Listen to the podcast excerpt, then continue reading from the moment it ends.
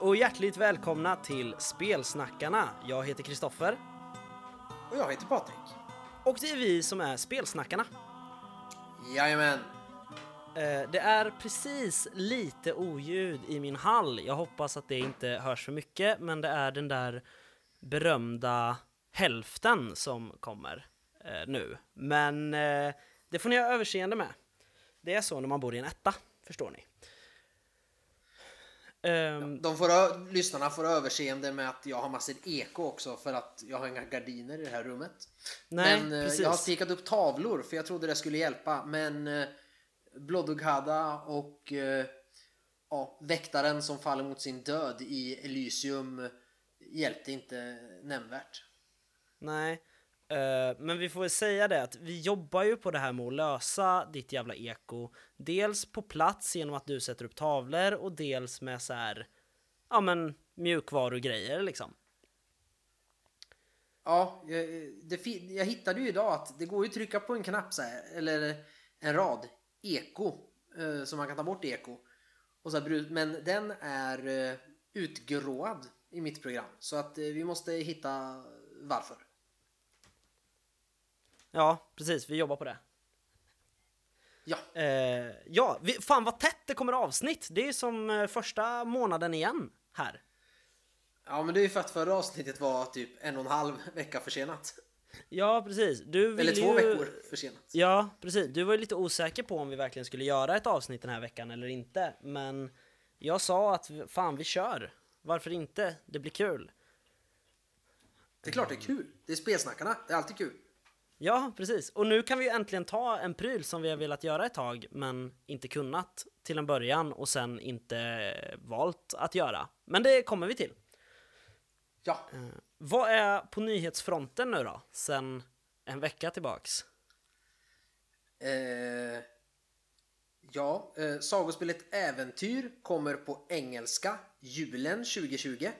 Mhm, häftig nyhet. Det är, det är eh, Ulysses som eh, översätter den till engelska. Det är coolt. Ja, väldigt. Eh, den 31 juli så är det vad heter det, så presenteras vinnarna i Annie Awards och det kommer livesändas på Youtube och någon annanstans som jag inte kommer ihåg. Men jag har inte hittat, eh, det står bara att det är 8 pm men jag har inte hittat i vilken tidszon än. Eh, Men det Nähä. står på hemsidan att mer info kommer. Men 31 juli så kommer det presenteras och eh, sändas på internet så man kan titta. Ja, häftigt. Vi kanske kan dela en länk så fort vi får reda på vart det kommer sändas någonstans. Ja, vi kan dela en länk till Annies hemsida så kan man kolla nyheterna där. Ja, det kan man göra. Eh, visst har vi nämnt sagospelet Rymd? Kickstarten? Ja, det tror jag vi gjorde förra avsnittet. Ja, om vi inte gjorde det så är det 25 augusti som gäller. Tror jag. Först lät du väldigt säker och sen vart det ett tror jag. Ja, nej, men jag, jag har för mig att det är 25 augusti. Ehm, kolla in den, vi kommer börja dela det som galningar ehm, så fort det kommer. Liksom. Eh, förstås, för att vi diggar ju sagospelet. Något otroligt. Ja. Ehm, Även om sen- vi inte spelar det så mycket så gillar vi det väldigt mycket. Ja, alltså du har ju slutat spela det. Du spelade ju väldigt mycket förut, men nu har du gått över till lite tyngre grejer. Star Wars D6 liksom. Ja, men det är, det är ju typ världens bästa Star Wars. Ja, det är ganska coolt. Ehm, Faktiskt. Ja. Carl Kempe, tugga på. Uh, samlingsalbumet, nummer 1 till 5 på Kickstarter, uppe i 132% så att det blir ju av. Idag är det den 26 och det är sex dagar kvar, så att eh, lite drygt en vecka då har man på sig att backa. Ehm, vi glömde ju nämna pledge-nivåer förra gången, Ja. vilket var en tabbe av oss. Men för 300 spänn så får man tryckt album och då är det inklusive frakt. Ehm, Så, så det är inga dolda avgifter på det liksom, utan 300 spänn så får man hem det i lådan. Och det kan det ju vara värt. Alltså för fem seriealbum i en samlingsvolym, det är ju liksom... alltså Lego Star Wars-tidningen kostar ju 70 spänn i affären. Per nummer, så att 300 spänn är ju inte dyrt. Nej, precis. Eh, sen så, jag fick post i eh, fredags. Ska jag berätta om. Det är också en sån här grej som egentligen bara är för mig eller för backare, men det, det blir snart för alla andra. Jag fick hem Sagor för döda barn 2 och 3 från Swedish Zombie. Alltså det som kommer i natten och Dödisgubben, vilket kan vara den bästa barnbokstitel jag någonsin har hört. Dödisgubben. Ja, Ja, men den, alltså- den är ju rolig. Ja men alltså om, om du är ett barn och så bor det någonting i, ditt källa, i din källare som äter upp katter och liksom är läskig och kommer närmre för varje natt när du ligger och sover och så vaknar du till och ser att den är närmare varje natt. Då kallar man den för Dödisgubben. Ja, men det är ju klockrent. Det är så rimligt. Eh, Jag ska börja skrämma mina barn med Dödisgubben. Gör det. Eh, på, på Swedish Zombies eh, hemsida står det att den kommer sensommaren 2020. Så ni som inte backade Sagor för döda barn kommer kunna köpa det senare. Vilket jag tycker man ska göra. Det är helt fantastiska böcker. Jag återkommer med en recension så fort jag har läst dem för barn. Se, ser hur panikslagna barnen är. Ja, men precis. Eh, sen har jag nog inte så värst mycket fler nyheter. Nej, inte jag heller faktiskt. Eh, jo, jag har en, fast jag har glömt bort den. Så att om du berättar vad du har spelat sen sist så återkommer jag om den. Ja, visst sa vi i förra avsnittet att vi hade spelat Chronicles of Crime? Ja, det gjorde vi. Ja. Eh, då har jag spelat eh, Star Wars D6 och eh, Carcassonne sen sist. Ah. Vad hände i Star Wars Alva D6? vann, med, Alva vann i Carcassonne med fyra poäng. Hon lyckas alltid vinna av någon anledning Ja, när vi spelar. Även fast jag inte på något sätt låter henne vinna. nej. Nej, men det har du ju nämnt att du aldrig gör.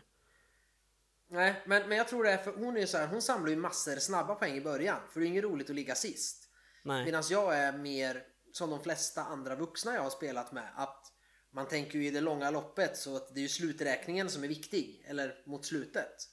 Just det. Men när hon spelar så, vad ska man säga, aggressivt eller vad man säger. Då funkar det inte att spela så. För hon får sånt försprång liksom. Hon bygger hellre så här. Ja, men hon, hon bygger ju 10 städer för 4 poäng. Och jag bara, men jag ska bygga den här stora stan.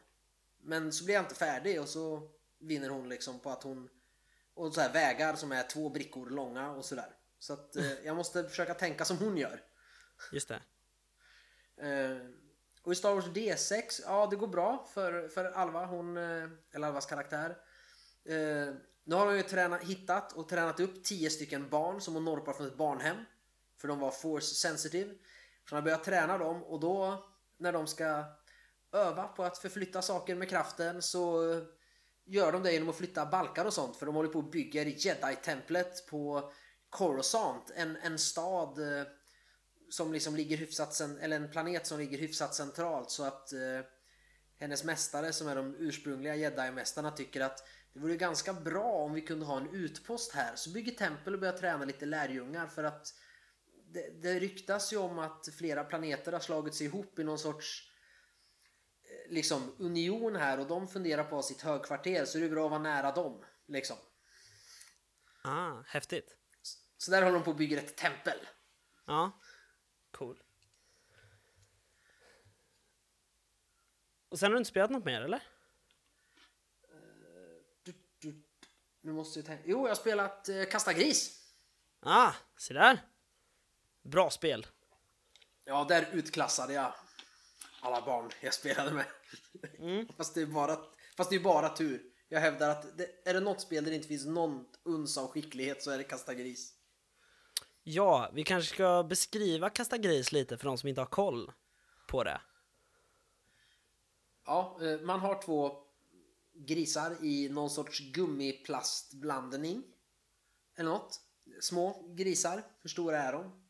Som en legogubbe, lite mindre. Ja, ungefär. Eh, och så kastar man de två samtidigt och beroende på hur de landar så får man olika poäng. Och om de nuddar varandra, visst är det då man har kastat en fläsklägg och förlorar? Nej, då har man gjort en bara bacon och då förlorar man alla sina poäng och får börja om från noll. Precis. Och så ska man kasta de här grisarna och den som är först till 100 poäng vinner. Ja. Man får ju försöka, man kan ju också få liksom om de landar med benen spegelvänt mot varann. Då får man inga poäng den här rundan, så att man får ju kasta hur många kast man vill. Tills dess man får noll. Precis, ja, det Precis. finns ju lite skicklighet där. Det, är ju, det gäller ju att ha koll på hur mycket motståndarna, hur mycket poäng de har. Så man vet, okej, om jag får tre poäng så vinner jag nu. Om jag får tre till. Och så här nära är de andra. Är det, ska jag fortsätta? För att pausar jag nu kommer jag troligtvis förlora. D där finns det ju, men det går ju som inte oavsett. Jag har provat så mycket kastteknik, men det är ju omöjligt att kasta och liksom försöka få dem att landa på ett visst sätt. Ja, precis. Det är lite som så här hasardtärning liksom, när folk bara ah, nu ska jag få en, en hard eight. Jag ska slå två fyror. liksom. Och så får de det. Ja. Det är ju helt sjukt. Ja, men kasta gris, det är ett trevligt eh, litet eh, spel för de som eh, inte tycker att man behöver tänka så mycket utan det är kul med lite slump ibland. Bara Ja. slump. Precis. Sen har jag inte spelat mer. Hur mycket har du spelat sen sist? Jag har inte spelat jättemycket sen sist. Eller, jo det kanske jag har. Jag, jag, jag, nej men jag har spelat sådär lite lagom, kan man väl säga. Ehm, när, när du och Alva hade åkt hem från ehm, där vi satt vid förra avsnittet så fortsatte jag, Sebastian och Isolde pyttelite på Svarta Masken, den kampanjen till Handbok för superhjältar som jag skriver på. Ah, Eh, och så spelade vi en bit på äventyr nummer två som heter eh, Orättvisans princip. Men problemet är att jag har inte skrivit något mer än synopsisen på de här. Ehm, så, och då kräver det ju ganska mycket fokus från alla.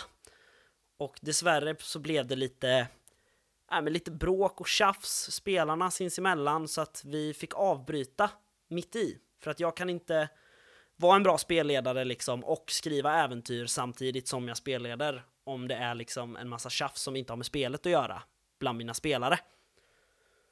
nej. Eh, men vi spelade halva ungefär, det var kul. Eh, sen kom jag ju Men hem. Fick du, var det Ja. någonting i hur, när ni spelade, var det något som hände som fick dig att säga, ja men det här ska jag ta med och skriva in nu när jag skriver klart den? Ja, Ja, då är det bra. men jag tänker inte säga vad. Nej. För det är en spoiler. Eh, sen kom jag hem från min semester och eh, jag tänker inte berätta det jag spelade först efter semestern för att det är nämligen mitt bästa från den här veckan. Eh, men jag har spelat Snösaga. Sist så befann vi oss mellan Storhavn och eh, Hallvind. Och så upptäckte vi att guiden eh, hade förrått oss. Guiden som den här Rendre Haugskalp hade skickat på oss. Jag har ju aldrig trott att han har rent kokain i påsen, liksom. Men nu sitter han verkligen på min svarta lista. Eh, så vi... Precis, vi... han, han säljer fulkoks istället. Ja, men typ. Eh, Så vi ägnade ett eh, typ fyra, fyra och en halv timmars spelmöte att ta oss tillbaka till Storhavn för att skvallra för, vad heter han, Dran Vitetand, som är då bailiffen som kom med en massa skepp till Storhavn inför kriget. Men problemet var att vi fick smyga oss in i Storhavn eftersom det var en hel eh, typ skvadron med eh, med Orkir i skogen utanför Storhamn. Så kriget är verkligen på G. Det är skitjobbigt när det är 100 till 250 orkiner i vägen. Ja, jag hatar det. Nej men så att nu ska vi in och skvallra och förhoppningsvis göra oss av med den där jävla Haugskalp. Ehm, ja. Sen i helgen har jag haft fullt upp med att spela. I, eh, I fredags så hade jag Sebastian här och eh, Ludvig som jag pratat mycket om att jag har spelat med. Och vi eh, spelade Svärdets sång. och eh, gav oss på eh, Bittermarken, modulen, till Svärdets sång. Kul! Tyckte Ludvig att det var roligt? Fan att spela Svärdets sång. Ja, vi har ju spelat lite Svärdets sång. Jag tror vi har spelat en gång innan eller så. Eh, så grundmekaniken sitter väl, kan man väl säga. Men, eh, men det tyckte han var kul. Vi använde häftet för det här eh, sägner och äventyrare för att slå fram rollpersoner så att det gick snabbt och smidigt. Ah, Eh, jag kan rekommendera den metoden om man bara vill ha en rollperson hyfsat snabbt. Eh, men så vi började helt enkelt med att de kom med en, ett skepp till Nordafall, som då är den enda, vad man känner till, fasta bosättningen i Bittermarken. Och sen så gick ett, det var samma sak där, det tog så här fyra timmar för dem att typ utforska staden lite grann. Och sen var det dags att gå och sova. Men det var kul, alla hade roligt i alla fall. Det var ju bra. Ja, sen igår och idag har jag och Ludvig fortsatt och spelat eh, lite Ensamma vargen, rollspelet. Eh, vi började med att, som en slags fortsättning på äventyret enligt konstens alla regler, där man ska leverera en helig bok till en riddare i Anskaven. Eh, där finns det ju två möjliga slut, antingen lyckas man eller så lyckas man inte. Och sist vi spelade, det är kanske några månader sedan nu, så eh, blev eh, Kaj-riddaren Månhök bestulen på den här boken och han fick gå hem och skämmas i Kaj-klostret och blev straffad Aj, aj, och allt aj. sånt. Ja, lyckligtvis så finns det ett äventyr som har publicerats i Fenix som heter Råttorna i labyrinten. Som handlar om Anskavens tjuvar som bor i kloakerna. Och det börjar med att man ska följa efter någon som har stulit någonting. vad passande. Ja, och då var det då den här boken. Så där spelade vi. Ja, Och så, ja, och idag så slumpade jag. Jag använde en slumpgenerator som var i Fenix för många år sedan. Som är, ja det är 10 gånger 10 gånger 10 så att det är tre stycken 10 tabeller som man kan cross-läsa liksom. Någon som gör någonting, någonting den här någon gör och mot vem den någon gör det här. Ehm, och det finns då 10 på varje och de kan ju korsas hur mycket som helst. En sån slår jag fram och så besegrar han en domvarg som åt upp en massa boskap eller något. Och nu då, är du redo för veckans bästa? Ja, Ja. jag kan nog gissa vad det var. Ja, eh, du vet ju redan faktiskt, men lyssnarna vet ju faktiskt inte. Nej, jag vet inte hur det gick. Nej, jag började ju ur varselklotet med min nya ur varselklotet spelgrupp. Ehm, Och vi eh, spelade kampanjen... Vad fan heter kampanjen? Vetenskapens vidunder. Just det, Vetenskapens vidunder som är med i, i grundregelboken till ur varselklotet. Vi spelade första mysteriet som heter mm, Ljusa nätter, mörka vingslag. Och nej, men jag hade så jävla roligt. Det är liksom, jag sitter med sex pers som aldrig har spelat rollspel förr. Jag tror en har typ petat lite på D&D, 5th edition. Men i övrigt så är det liksom, det här är ingenting de har hållit på med. Gud vad roligt! Ja, och ändå så skötte de det med bravur allihopa. Jag hade kul och jag tror att alla de hade kul också. Och det är ju det som är det viktiga. Eh, Det har vi ju konstaterat i podden förut att eh, spelledaren är den som sist ska ha kul. Han precis. ska bara se till att alla andra har kul. Ja, lite som en förälder. Eh, Men, eh, ja. Nej men, eh, och det är så här, alla spelare känner inte varandra heller jätteväl. Eh, vilket också, och jag känner inte alla spelare jätteväl, vilket också bäddar för liksom, ja men lite, vad ska man säga, seg uppstartstid liksom.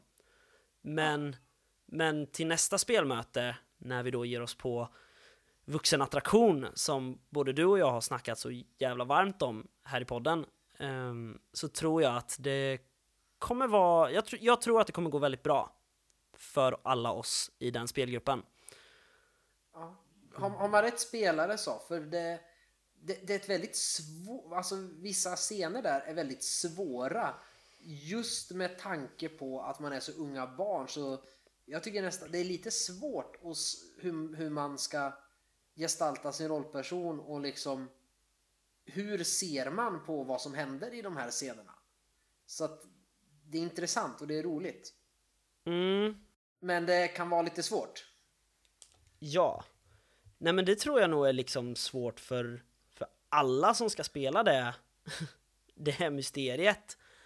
Eh, så, så jag tror att problemet där kommer inte vara det här att vi är en ny spelgrupp eller så, utan då tror jag mer nej, att... Nej, nej, nej. Det där har jag faktiskt... Jag har ju spelat äventyret två gånger med olika mm. människor. Eller spelat det. Och andra gången då gjorde jag en sån här grej som jag inte alltid tycker om att man gör. Men då gick jag in och sa att och nu när du ser det här så känner du. För att ge en liten knuff, bara en mening sådär. Och då det. flöt det på mycket bättre än vad det gjorde första gången. Mm. När en del bara tyckte att åh, vi är med, det här var häftigt. Så bara, du är tio år gammal. Så bara, Jaha, men jag vill vara med. Och någon ja. Eh, ja sprang åt andra hållet och sådär. Så att, eh, mm, men det blir roligt. Mm, nej men verkligen. Uh, så att upplevelsen här var mer hur det var att spelleda den här nya gruppen än att faktiskt spela det här mysteriet. Även om det också var väldigt, väldigt kul. Men har inte du en varselklotet spelgrupp som ni skulle fortsätta spela flodskörden med? Jo, det är ju då den som det senaste året har varit min Genlab Alpha-grupp. Ah. Uh, och vi, vi ligger under lite, vad ska man säga, medlemsförhandlingar just nu. Uh, någon som inte riktigt har tid egentligen och då är det så här, ska du verkligen vara med då? För vi kommer spela en kampanj. Och sådär. Men sen kommer vi inte börja med flodskörden direkt utan vi kommer köra lite varselklotet för att ha bryggan över till e- efter det som händer till flodskörden. då, kan, ja, då kanske du kan rekrytera folk nu när ni spelar varselklotet nu med den här nya gruppen. Mm. Alla kanske inte vill fortsätta och investera i att fortsätta efter det utan är nöjda. Men några kanske fortsätter. Då kanske man kan mergea ihop de här grupperna och så bildar de ett nytt kompisgäng i den här bryggan och det är del av den överbryggningen emellan. Så bygger man ja. en ny grupp av de här två. Kanske det. Vi, grejen är, vi kommer ju inte vara färdiga med Vetenskapens vidunder nu. Vi har precis börjat, medan med den andra gruppen, vi kommer ju sätta igång i höst. Ja. Med, med ja, bryggan över, liksom. Mm. Men jag får se. Yes. Har du kommit på din nyhet än som du glömde bort? Jo men alltså, jag kommer ihåg nyheten. Jag kan ju säga, jag har inte spelat något mer. Förresten. Um, men uh, jag, jag vet vad det var, men jag vet, jag kommer inte ihåg detaljer kring den, vad det heter, vilket datum det gäller. Uh, men det är den här SVT-dokumentären om rollspelande. Ja, alltså 5 september. Ja, precis, då kommer den. Det är också en nyhet. 5 september så kommer en dokumentär om rollspelande Men vad hette den? Det, det, är ju Drakar och Demoner omslaget, alltså med Elrik eh, från gröna boxen. Ja. Har ju som någon header, men jag har bara sett det här på Facebook. Men det är någon dokumentär på SVT 5 september som har någonting med rollspel att göra.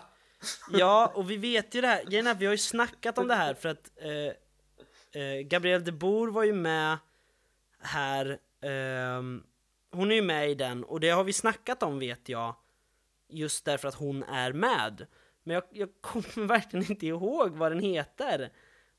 Eh, och det gör mig så jävla arg. Ja, men eh, ni får ha på SVT från 00.00 den 5 september till 00.01 den 6 september så kan ni inte missa det. Ungefär så ja. Eller, frågan är om du går på ettan eller tvåan. Ni får ha två tv-apparater igång. Ja. Eh, nej, men vi får väl eh, så fort vi, vi kommer på vad det är vi försöker berätta om så får vi väl dela det med er. Ja. eh, det har dykt upp i alla fall i mina i flödet på sociala medier och det kommer. Ja. har, du, har du skrivit någonting sen sist Patrik? Ja, jag har... Eh, eller skrivit, jag har läst lite mer Mörka Regimen och gjort några små noter i mitt eh, dokument här, eller just nu på mitt anteckningsblock som jag sen ska föra in i ett dokument. Just det.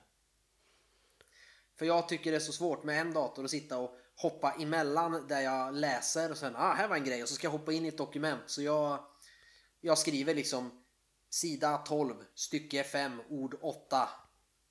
Fet, skall vara fet text. Och så skriver jag sådana där och sen för jag in det i ett datadokument när jag ska, när jag har läst färdigt för stunden. Just det. Man kan ju också dela skärmen så att man har två program öppna samtidigt. Men nu är det inte datakunskap vi har. Nej, eh, så det har jag gjort. Eh, Sen... Eh, Vet du, igår och idag när jag suttit och läst på lite inför dagens ämne så var jag tvungen att sitta med ett anteckningsblock och göra lite revideringar till hur jag skulle vilja ha det i den här staden och det här samfundet.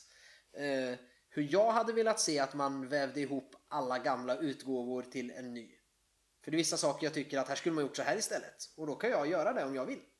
Ja, just det. Så det har jag gjort. Mm. Sen har jag inte skrivit något mer. Har du skrivit något sen sist? Ja, det har jag faktiskt. Jag har ju dels då petat lite på Svarta Masken-kampanjen, men det är inte... Ah, det är ingenting att, att ropa hej för egentligen, men...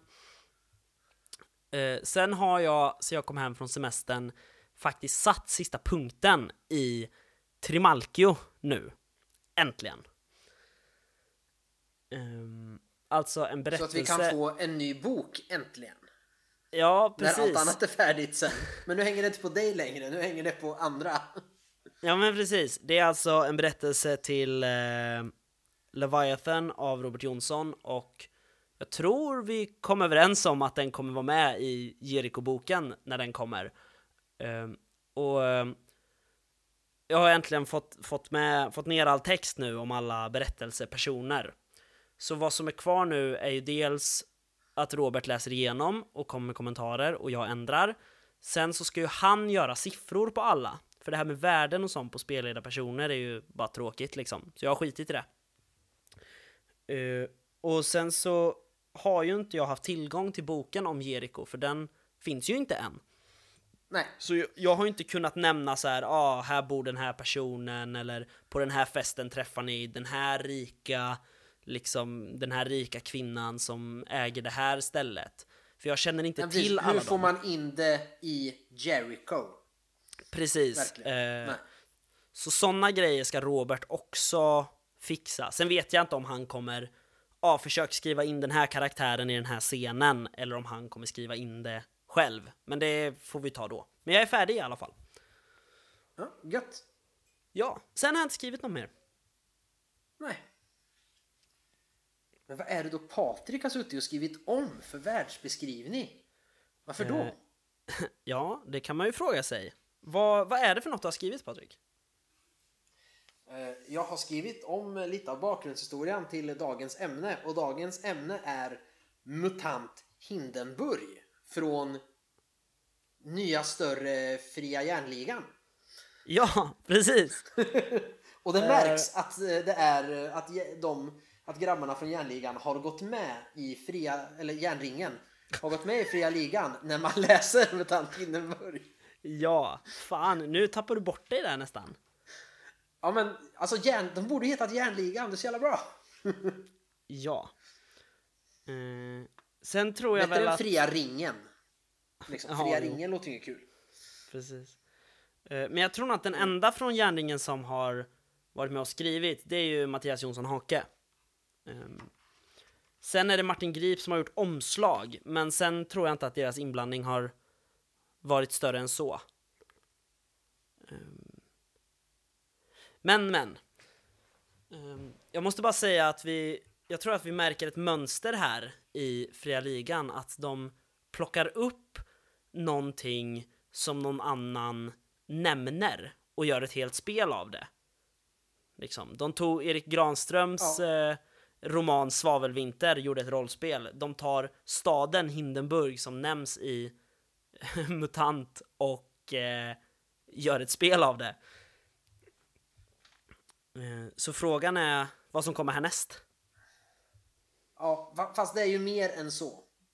Ja, jag vet, men det- fattar Jag du? vet, men jag förstår du menar också. Ja, vad bra. Men vi ska prata om MUTANT Hindenburg. Mm, frågan är om vi ska börja ifrån början med Hindenburg, eller om vi ska börja med MUTANT Hindenburg. Vi kanske kan börja med eh, Hindenburg. Faktiskt. Mm. Eh, vi kanske får varna då att det kommer ju bli eh, det kommer ju bli lite så här kampanjspoilers från MUA. Framförallt, MUTANT Undergångs arvtagare. Kommer det. Precis. Eh, Eh, medans det som är från originalmutant och det är ju saker som om säga, står som allmänt kända i regelböcker. Och från och 0 är det ju mest regeltekniska saker medan det kan vara spoilers från framförallt kampanjdelarna i kampanjen Undergångens arvtagare. Ja, och jag skulle väl egentligen tipsa folk, om, om man är sugen på att spela kampanjen Undergångens arvtagare och är en sån som en sån person som känner att jag vill inte veta någonting om vad som kommer hända eller vad som kan hända, då ska man inte läsa MUTANT Hindenburg.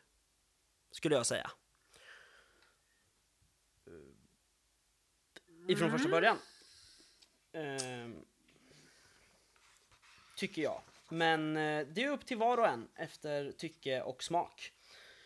Eh, Men Hindenburg då? Det är en eh, jävligt stor stad i Pyrisamfundet.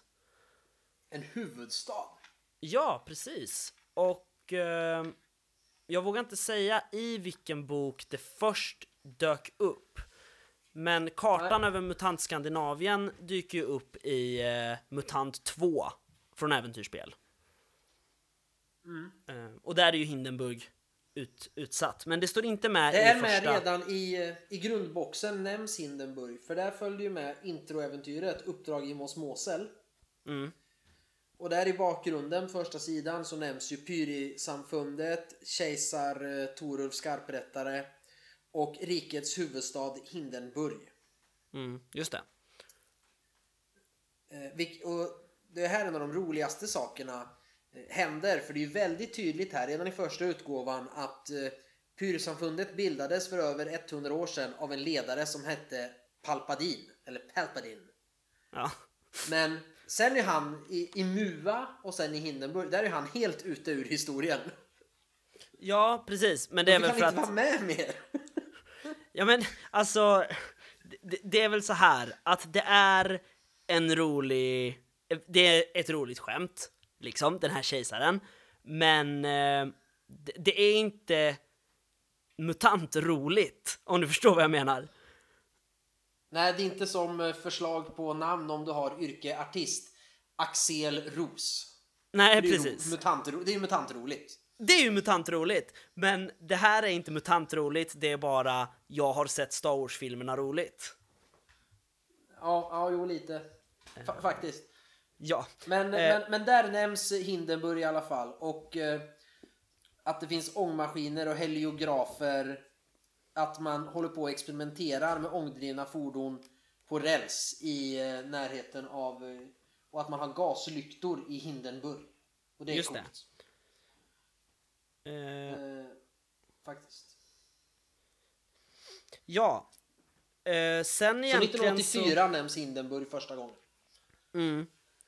Sen ska vi inte så sagt gå igenom Hindenburg eh, detaljerat så, utan vi försöker bara gå igenom lite vad som vad, det, är- vad det är för någonting. Ehm, Ja. Och i, ehm, i MUTANT Undergångens arvtagare sen, från järnringen, så ehm, dyker det ju förstås upp i grundboken och har en kort beskrivning som allt annat. Eh, och sen beskrivs det ju i kampanjboken Hindenburg min älskade ordentligt.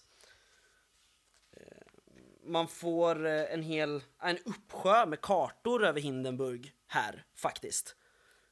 Och Ja. ja, ja man kan väl se att eh, Hindenburg förändras lite fram till det projekt vi ska prata om senare, alltså spelet MUTANT Hindenburg. Men ja, det handlar om huvudstaden helt enkelt. Det är inte så mycket att säga. Man är där och, och spelar. Ja, jo, men, men det finns ju... Sen, sen finns det ju ganska tydligt vad man spelar och det har ju hänt. Det man ska säga är att eh, MUTANT Undergångens arvtagare det utspelar sig ju, det är ju samtida, eller nära samtid med original MUTANT. Kring Mm. 100-107 år efter Pyris grundande. Precis. Medan MUTANT Hindenburg utspelar sig 25 år senare. Ja. Och hela upprinnelsen egentligen till MUTANT Hindenburg, alltså storyn, det är slutet på kampanjen Undergångens arvtagare i boken Hindenburg min älskade av Järnringen. Mm. Ja. För det står ju, nu kommer jag inte ihåg exakta ordalydelsen och jag har, var dum nog inte anteckna vilken sida.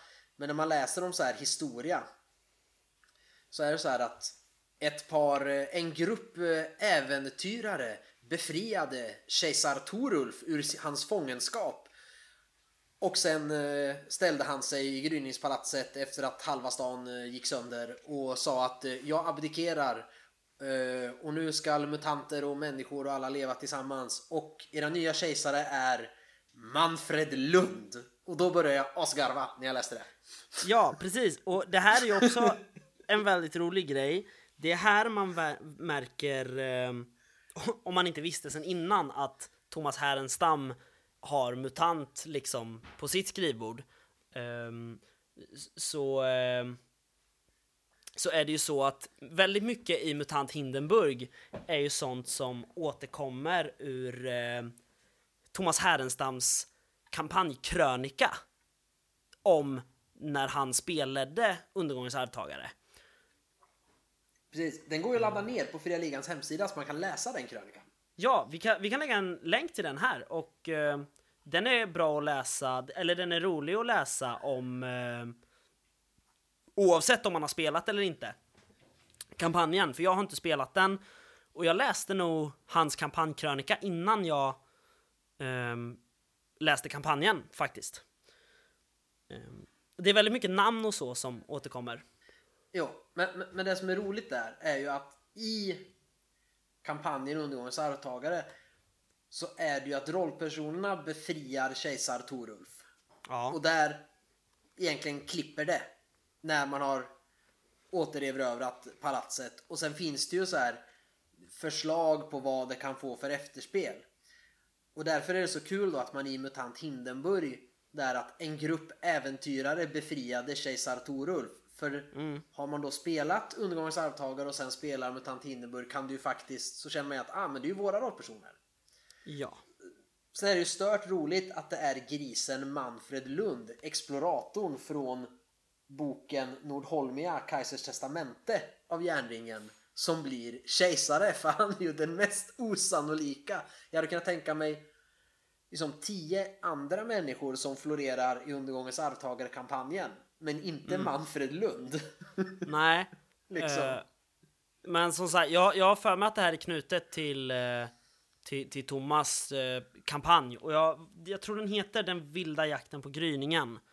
Eh, vi letar upp en länk och lägger här, som sagt, så Ja, ni kan hitta men, den. men det är ändå stört roligt att det är han oavsett om man har läst den kampanjen eller inte så blir det roligt. Så är det ju, så är det ju. Men om, Eh. om vi ska skita i staden Hindenburg, nu slänger vi bort eh, undergångens arvtagare och vi slänger bort Elysium där Hindenburg också nämns. Så, nu Ja. slängde jag. Och så tittar vi på MUTANT Hindenburg av Fria Ligan, helt enkelt. Ja. Eh, snygg bok. Eh, de har gjort den i samma storlek som de där andra från Gärningen vi inte skulle prata mer om. Eh, Ja, den är snygg. Och har man inte karta till så det är en helt okej karta i permen när man öppnar boken faktiskt. ja både första och sista Ja. permuppslaget har ju den. Kartan över de väsentliga delarna av Hindenburg, vår älskade. Ja.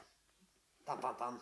Eh, sen är det inte så mycket, alltså det, det jag gillar med illustrationerna framför allt. Mm. Det är att det är ju, det är ju samma stuk som i MUTANT år 0. Och i de boxarna. Men det har purifierats. I och med att det är... Jag vet inte vad jag ska säga man har gjort med bilderna. Men det kan bara vara att man har satt på plommonstop och chapoklack och, och grejer. Men det känns väldigt Hindenburg. Eh, på något sätt. Och som att tiden har gått framåt. Även om det ändå är samma stil. Nu har jag jättedåligt svårt att förklara det här. Nej men alltså jag, jag, jag tror jag förstår vad du menar. Det är ju som sagt Lars Krantz som vi har nämnt tidigare som har eh, gjort inlagillustrationerna här. Eh, och eh, de är väldigt ja, men så serieaktiga på något sätt. Ehm, men det är som du säger, de, de, det, är som, det är som en serietidning med läppstift på. Kan man säga Ja. så? Ja. Ja men typ. Ja, bra. Nu sa jag något fint där. En serietidning med läppstift. Om ni fattar. Om andra fattar. Ehm. Och jag gillar illustrationerna väldigt mycket. De är fina. Jag gillar dem. Och den allra bästa illustrationen. Mm. Nu kommer jag tillbaka ändå. Den finns på sidan 52. Ja. Det här är ju mest för mig, känner jag. Ja, nej men för alla det, det är en grym flört med äventyret Järnringen till Ja. första MUTANT. Ja. Eh, även om det, det är inte en likadan, det är inte likadana personer i publiken. Det är helt andra karaktärer. Eh, det, det är eh, till del andra karaktärer på scenen. Men det är så tydligt vart ifrån man har inspirerats och det är skitroligt. Ja, Därför är det en helt fantastisk bild. precis. Eh, Eh, det är en scen och det är någon som presenterar någon som gör något. Och det är en publik. Eh, och det är ju samma, det, samma återfinns ju i eh, Den grå döden från Fria Ligan. Ah. Också en sån hommage som eh, Reine Rosenberg har gjort. Ja, men den är grym. Men Mm. för att prata Spelet mer om då? boken. Ja. Ja, eh, vid en första anblick så har, har man ju tagit eh, alla de olika expansionerna och boxarna till MUTANT år 0. Kapat av eh, eh, 75% av beskrivningen om eh, klasserna. Och eh, kapat av många talanger och så har man slagit ihop dem. ja, det är väl ett lätt Tills man läser lite till. Men det är ju år 0-motorn. Eh, och du kan spela eh, icke-muterad människa, muterad människa, psimutant, muterade djur och robotar. Eller automater. Ja, Eh, och man spelar dem... Ja, egentligen så, så är det de reglerna som finns i respektive grundbox. Mm. Eh, har man gjort. Och jag tycker inte det gör någonting eh, när man läser just om klasserna. För då står det ju väldigt, väldigt lite om muterade djur. Och det står inte om liksom alla sorters muterade djur och vad som är särskilt med dem. Det står inte mycket om, ja, men det står inte mycket om någon egentligen och var de kommer ifrån. Men de är tydliga på flera ställen att, och det är bra, att skriva in att vill du veta mer om muterade djur så läs Genlab Alpha. mm. Där finns det fler djurförmågor och eh, förslag på vad djurarterna tycker och tänker och sådär. Och det tycker jag, jag tycker det här är lagom när man gör en sån här nytt spel för att få in alla klasserna på det här sättet. Så jag tycker det är alldeles lagom. Ja, jag, jag håller med dig. Alltså jag, när vi, eh, när jag precis hade fått hem MUTANT Hindenburg så sa jag att jag var lite kritisk till det genom min första genomläsning. Ehm, men, men jag har ändrat mig nu jättemycket. Jag tycker att det är ett fantastiskt spel och eh, jag vet inte vad det var. Jag kanske hade en dålig dag eller något. Ehm, för det är ett- bra spel och det är som du säger att det finns tillräckligt här i för att spela alla klasser. Men vill jag ha mer så finns boxarna. Ehm, och, eh, och, men det är ju mest om man är intresserad av bakgrundshistorier och sånt egentligen. Det är det, men det är lite, jag känner lite, alltså visst det går ju absolut att spela MUTANT Hindenburg även om man inte har spelat varken något, någon av boxarna till år 0 eller Undergångens arvtagare eller Gamla MUTANT. Det går ju alldeles ypperligt att spela det här. Mm. Men det är väldigt mycket som går förbi en och saker de bara nämner ettorna som i många fall har anor tillbaka till enklavtiden. Bara enklav, enklav och så står det på något ställe i boken så här. Det fanns en gång enklaver, där bodde det icke-muterade människor. Och det är typ det som står.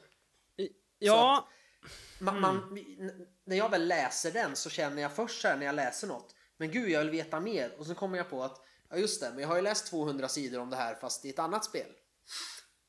just Så det. jag vet ju redan. Eh, Däremot så, jag skulle säga att det här är, är väldigt likt beskrivningsmässigt och så. Så tycker jag att det är väldigt likt gamla MUTANT. Alltså äventyrsspels MUTANT från 1984. det är det. Just, just att det är liksom, det här är the new world order. Liksom. Så här ser världen ut. Fråga inte, för att det är så här den ser ut. Precis. Men eh, alltså jag, det, det jag tycker är mest intressant, det är själva spelandet. Alltså vad som driver det här spelet. För att, eh, som jag sa, jag tycker att det är för jävligt att man har slutat. Det känns som att alla svenska rollspels eh, har slutat ha med introduktionsäventyr i grundboken. Senaste typ två åren. Precis, För att visa, det här är grundidén med Mm. det här precis. spelet. Och då är folk så här, ja ah, men snart kommer ju kampanjboken Gryningens beskyddare. Ja, men jag vill börja spela nu, nu, nu. Uh, och det finns inte, för att här har man, vi har ju pratat om, om det här med arken i uh, MUTANT år 0, att man, alltså hela spelet går egentligen ut på att skapa ett hem och en trygg överlevnad i, i sin ark. Och lite så funkar ju det här också. För att... Ja, jag eh, tycker det är ganska tydligt. Dels i och med titeln. Och sen det du tänker på. Och sen eh, det beskrivs och det står ju på några ställen också att ni bor i kvarteret Hydran i Hindenburg. Ni kommer härifrån, ni bor och verkar här, jobbar här om ni har ett jobb. Eh, och det här ni rör er. Ni kan också ge er ut till de förbjudna zonerna. Men allt är bärgat så ni måste jäkligt långt in och där är det farligt. Så att det är lite som Ja, men det, det är lite som eh, eh, Nya MUTANT 2089. Liksom, vi stänger in er i staden, för där ska ni vara.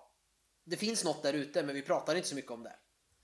Eh, för där vill vi få bort er ifrån.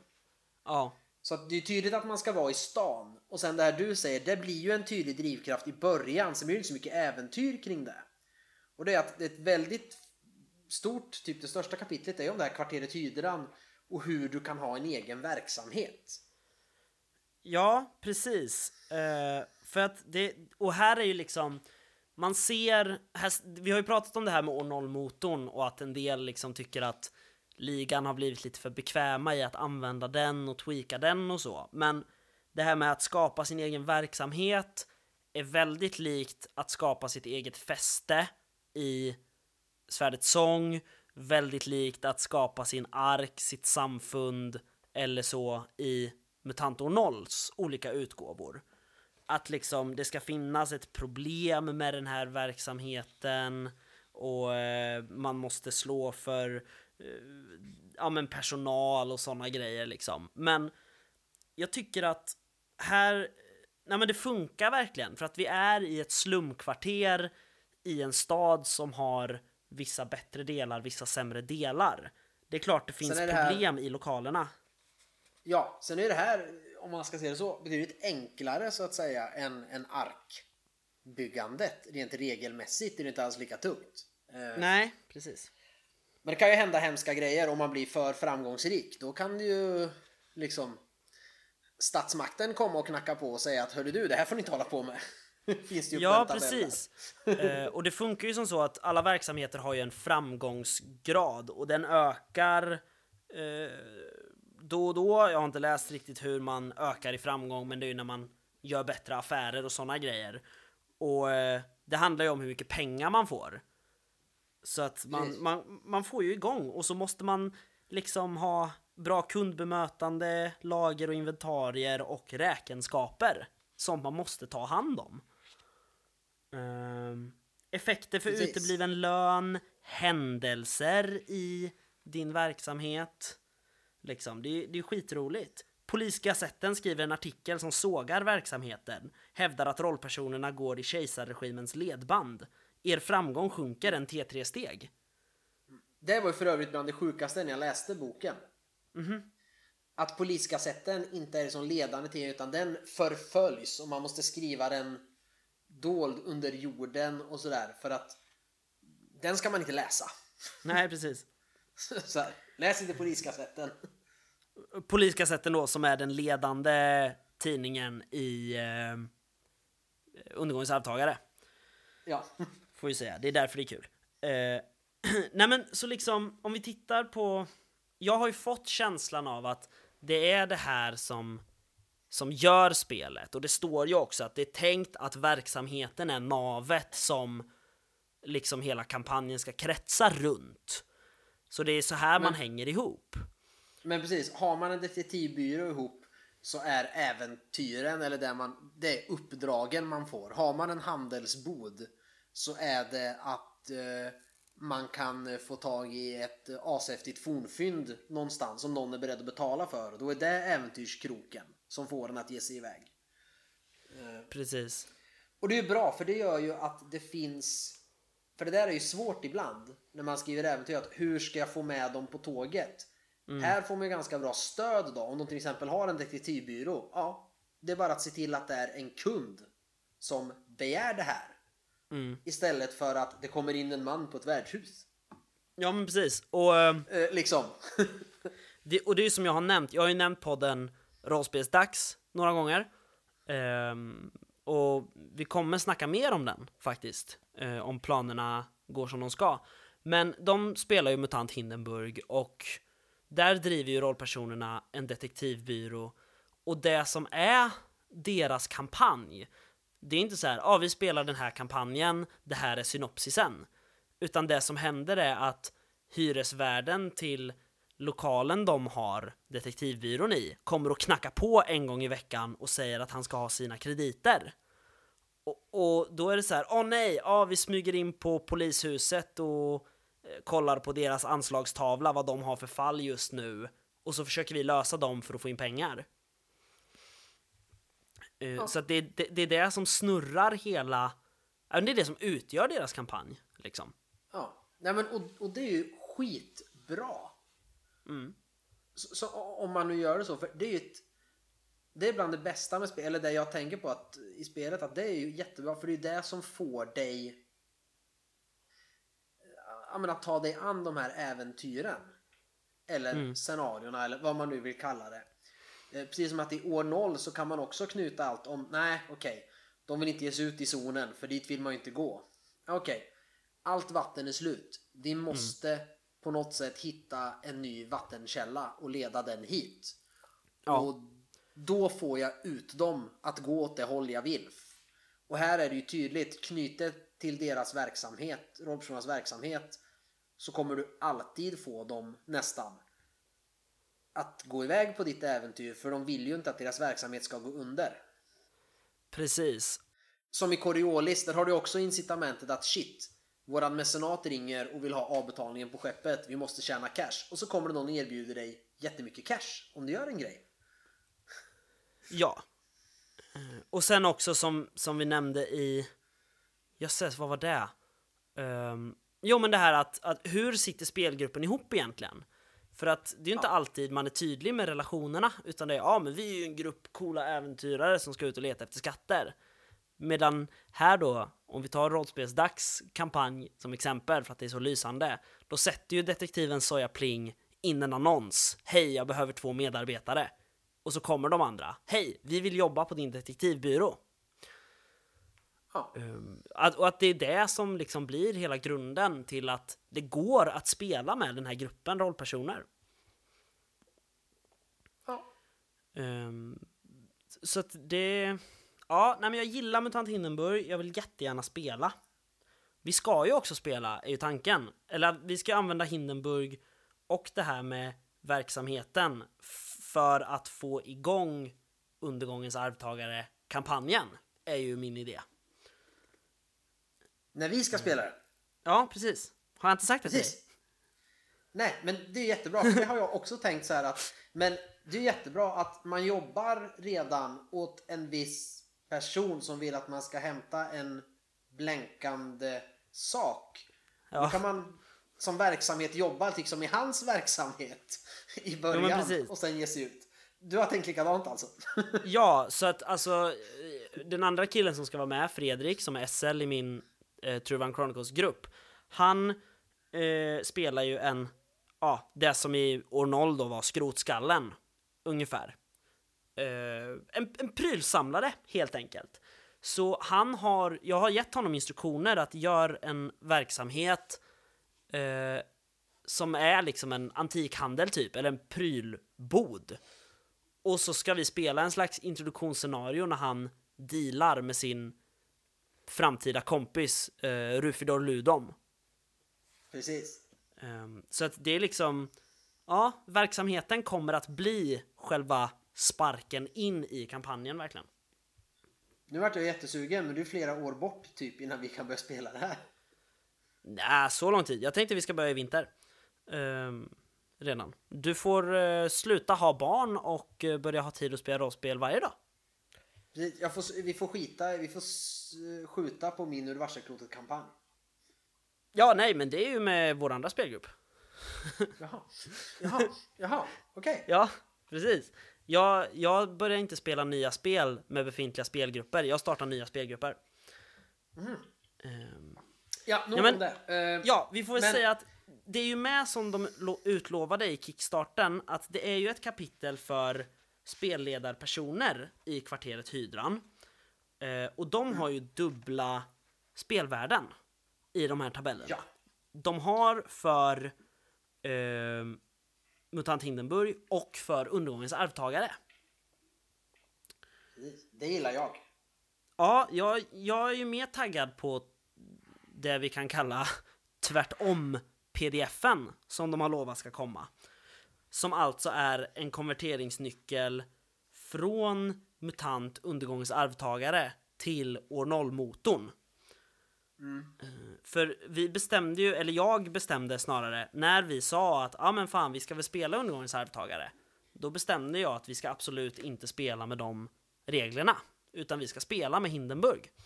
För jag vet att det kommer en konverteringsnyckel. Ja. Så den ser vi fram emot. Jag, jag saknar en, vad säga, lite, inte konverteringsgrej, men jag saknar en sån sak i boken. Jaså? Hindenburg. Mhm. Men som jag sa, det är väldigt bra när man läser eftersom de har ju tagit till exempel på, på robotar, då har de ju tagit MUTANT Maskinarium men de har ju bantat ner, tagit bort massor moduler eh, och så vidare. Och skrivit Ja. läs mer i MUTANT Maskinarium om du vill. Mm. Men just när man kommer till händelser och personer. Där finns det inget sånt. Det hade jag gärna sett antingen i boken eller att det fanns en pdf. Så att när jag läser så här. Ja, och Manfred Lund blev kejsare. Och jag vet så här. Ja, han var ju typ det här. Men i vilken bok och vart stod det? Om man Just nu det. har dem. Då kunde man ju ha eller längst bak när, i så här persongalleriet ja, om alla som, som har varit med i olika böcker. Det kunde stå så här Manfred Lund Nordholmia, vad heter den, Silversoldaten, sidan bla bla. Mm. Eh, och likadant, nu, inte, nu har jag inte lyckats hitta Nicolas von Ring, han verkar inte vara med. Även om han är typ odödlig. Men det hade kunnat stå där. Se Uppdrag Imos Mosel, skitgammal. Ja, just Eller det. något sånt. Så att, man, nej men så att man hittar de här roliga sakerna. Som, som är insprängda om man nu är en sån som äger allting. Mm. Ja, de flesta de skämten är väl det är lite som kejsarens namn som jag inte kan säga för att den, den berömda hälften sitter i samma rum och om jag säger det namnet så kommer hon dra vissa slutsatser om Star Wars-filmerna. Eh, så jag kan inte berätta Ja. det än. Eh, Men, men kejsarnamnet till exempel, det är ju bara kul om du har sett Star Wars-filmerna. Men om man hade sagt, om man hade skrivit så här, eh, ha, se Stjärnornas krig 1977, det hade ju varit värdelöst. Det hade varit ett jättedåligt skämt. Jo, alltså man behöver inte dra, man ska inte dra det så långt men just när det står lite om enklaverna och Ja. sånt där. Där kan man ju skriva då. för att veta mer om eh, hur livet kunde te sig om ätten skarprättares uppgång och fall. Se Mm. MUTANT Elysium. Jo, Eh, och sådär. men, men jag känner att ändå är det mest... Det här är ju de här berömda flörtarna vi brukar prata om. Och Jo, MUTANT år 0 är ju fulla utav dem. Alltså i Elysium så skulle de ju behöva ha såna på varenda sida. Det finns ju stadsdelar som heter Mosmosel, Hindenburg och Nordholmia. Eh, Jag vet, jag vet. och då kan de ju inte säga ah se den här boken, för att då skulle det bara bli referenser. Men jag fattar vad du menar också.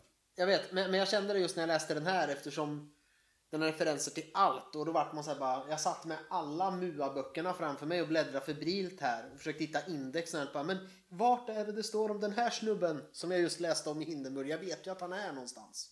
Just det. Men det är bra. Eh, Det är ett bra spel. De har gjort lite regeländringar Ja. i grunden. Mm. Eh, En som är väldigt sådär bara, oj, här gjorde de om. Det är ju hur man slår initiativ. Ja. Eftersom man inte slår det längre med den här år 0 motorn utan man drar det med en helt vanlig spelkortlek. Mm.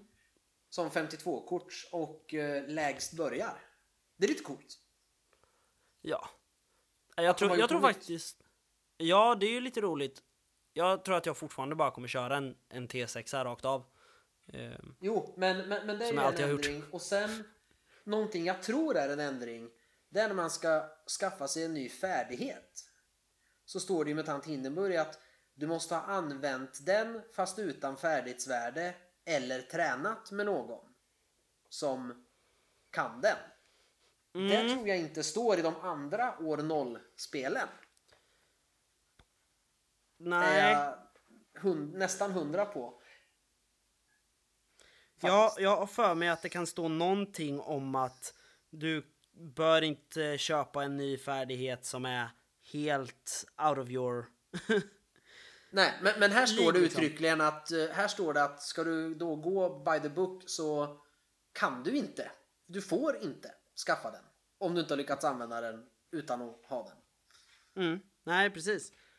Ehm, och det Så finns det är ju lite, det heter inte... Ja, och, och, ja. Sen, sen är det vissa andra, en grej har man gjort bra. Att man har ju döpt om eh, mutationspoäng och vad heter det, djur... Vild Förmågor. sinnespoäng och det till kraftpoäng heter det för alla. Eftersom Ja. alla kan använda dem. Och istället för att börja skriva olika för varenda jä- jädra vet det, klass så har de bara enkelt skrivit att det heter kraftpoäng. Punkt. Ja, Det är precis. smart. Jo, Men, men, det är ju så är det men annars är det ju i princip reglerna från respektive år 0-box som är med. Jo. Eh, jag vill väldigt gärna kolla lite på tillbehören också.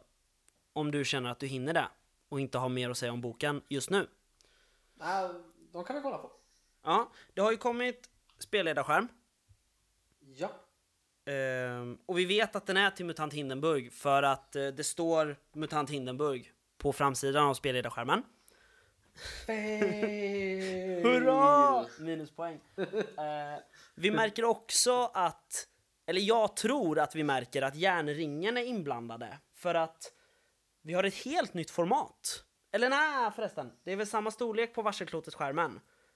Eh, det är tre liggande A4 tror jag, ungefär. Jag försöker kisa här mot min bokhylla för att se om de ser ut att vara lika stora. Ja, men jag, har för mig, jag har för mig att de är det. Men, och så är det i det här glansiga materialet som eh, Symbarom spelledarskärmen är i. Men inga tidigare Fria Ligan-skärmar. Aha. Jo, Alien också var så. Förlåt mig.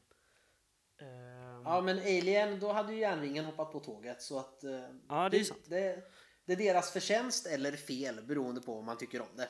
Ja. Vi vet ju också att det är Fria Ligan som har gjort spelet för att det står på insidan av skärmen med stora bokstäver. Ehm, och så. Men det som är på insidan av skärmen, det är jävligt bra. Det är bra. Vi har svårighetsgrader, alltså modifikationer, plus minus tärningar. Vi har kategorier, för att det är jävligt förvirrande i Mutanto 0 att de jobbar kort, nära och armslängds avstånd. Ja.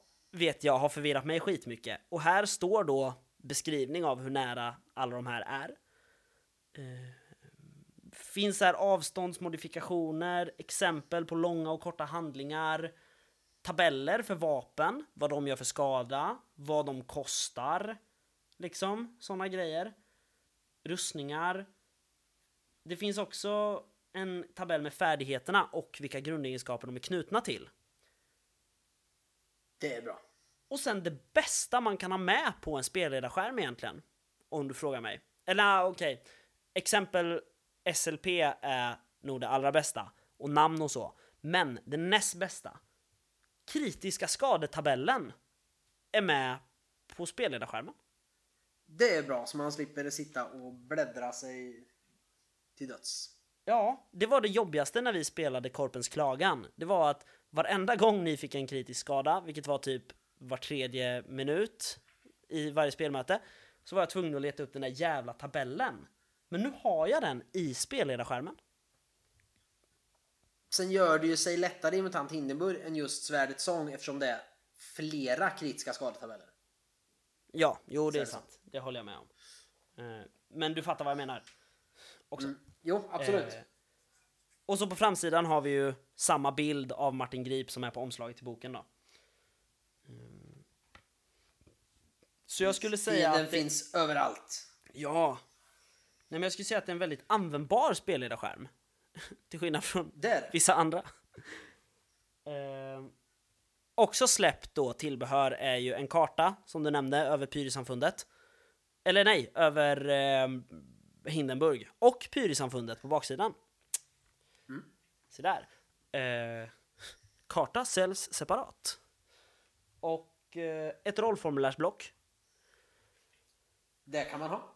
Det kan man ha. Och sen väntar vi ju spänt på kampanjboken Gryningens beskyddare. Ja, jag måste nog köpa den faktiskt. Ja, du kommer ju få den som pdf när den kommer. Ehm, Men jag köpte ju till den. Och jag eh, är jättetaggad. Dels för att det är så här, nu sitter ju liksom järnringen och flörtar med sig själva. Ja, och är det något som eh, vad heter det? Eh, Mattias Jonsson Hake kan Mm. så är det ju att skriva häftig mutantkampanj. Ja, jo. För det har ju han gjort förut. eh, Så Ja. att eh, därför kan det bli hur coolt som helst. Ja, det var inte främst det jag tänkte på faktiskt. Eh, utan jag tänker ju på omslaget. Har du sett omslaget till kampanjboken?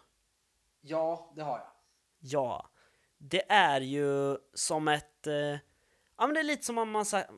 Det är lite som att man har lagt ett gult filter på omslaget till eh, Nordholmia, Kaisers testamente, till undergångens armtagare. Det är ett grymt jävla omslag by the way. Ja, med ett... Och det är liksom bara ett skitstort tåg på som dundrar fram. Ja, alltså jag vill inte kalla det för tåg. Jag vill typ sälja, säga så här eh, pansarrälsmonster eller någonting. För det är ju det är ju bara brutalt. Ja. Eh, och alla som har läst MUTANT, minnen från den förbjudna zonen, vet ju att det här med ett skitstort jävla tåg är något slags internskämt. Eh, för att det skulle inte alls vara så stort egentligen, och sen blev det jättestort. Eh, och nu är det ett jättestort tåg igen på en till kampanjbok. Ja. ja. Och det är jätteroligt. Eh, Men, men så jag väntar ju spänt på den också för att det är som jag... Alltså jag är jättesugen på att skriva någonting till MUTANT Hindenburg. Jag har lite idéer, men jag, jag vill läsa någonting annat först. För att liksom, ja okej, det här verkar vara tanken, det här verkar vara liksom ordningen de skriver äventyren i, alltså vad kommer först i äventyret och så. Ehm, så det väntar jag spänt på. Och så att jag kan starta en till grupp och spela den också.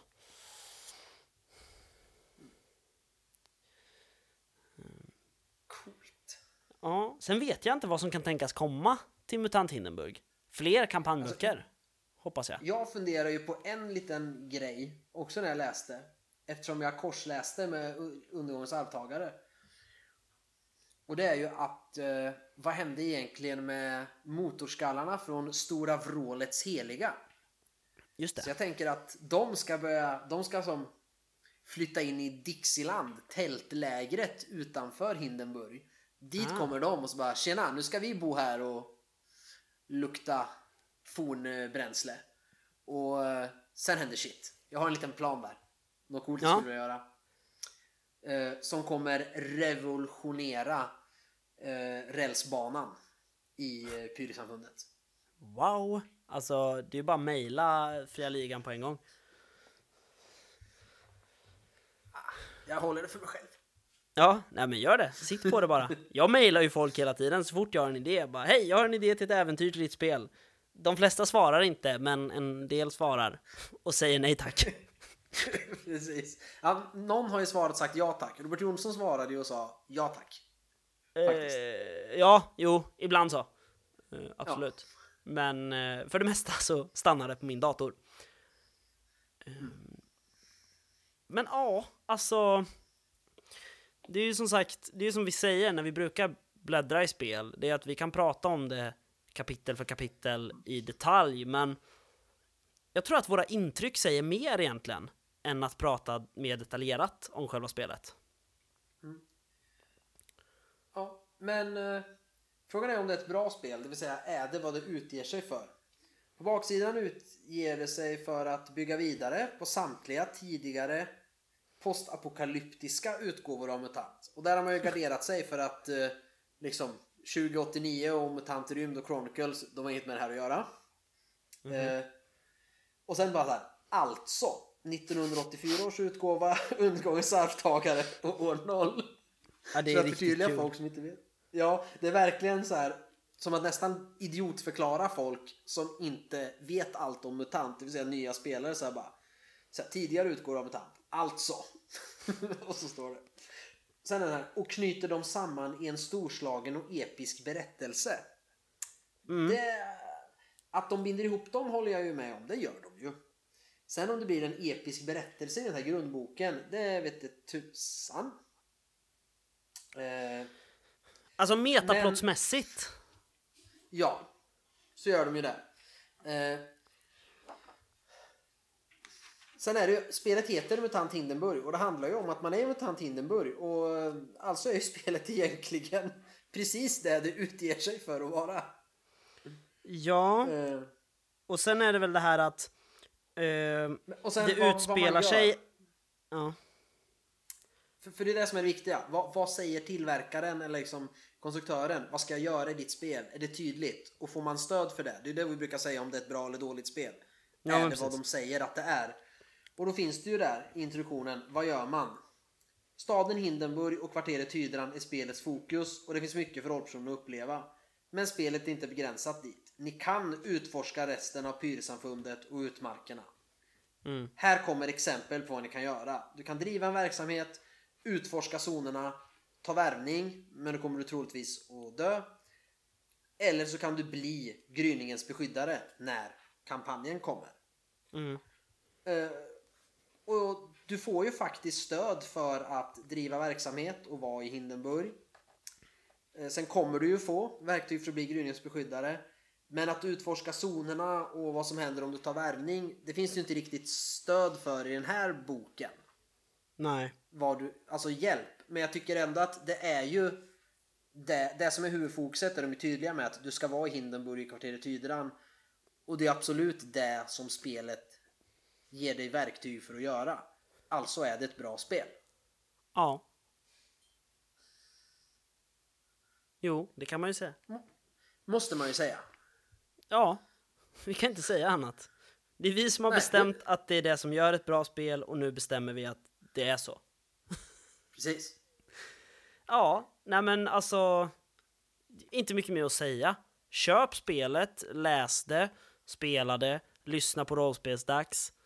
Um, fan, det är nästan så att vi får börja ta betalt varje gång vi nämner en annan podds namn. Egentligen. Eh, Ska vi ta fem kronor per omnämnande? Men då kommer det sluta med att de poddarna förbjuder oss från att nämna deras namn i våran podd. Istället som motprestation. Helvete! Nej då, nej men ni vet det, vi pratar bara om sånt vi faktiskt tycker är bra. Ehm, så, så in och lyssna på er. Precis. Sånt vi tycker är bra och ibland Dungeons and Dragons. Lägg av, du tycker att Dungeons and Dragons är bra. I hemlighet. Jag lovar att du sitter i garderoben på nätterna och läser Sanators Guide to Everything. Precis, jag sitter och äter eh, vegetarisk mat och dricker alkoholfritt vin och, och läser eh, Dungeons and Dragons i, i garderoben när ingen ser mig. Precis. Eh, Och så när din fru ser dig så bara nej, nej, nej, jag lovar, jag spelar bara indiespel. Precis. Ja, nej, men det är bäst att vi rundar av det här avsnittet innan vi eh, Ja. ja, förvandlas till någon slags sittande ståuppkomiker. Eh, Det, det, det här varit ett Seinfeld-avsnitt helt plötsligt. ja, lite grann. Men eh, vill man oss någonting så kan man ju eh, mejla oss på spelsnackarna.gmail.com Gå in på Messenger och leta upp spelsnackarna eller gå in på vår Facebook-sida facebook.com spelsnackarna och ja, klicka sig vidare där, kommentera avsnitt, dela avsnitt, lämna förslag på nya ämnen och så vidare. Eh, och sen var det inget mer va? Nej, Nej, tror jag inte. då så. Tack för ett bra avsnitt. Tack själv. Hej då Kristoffer. Hej då Patrik.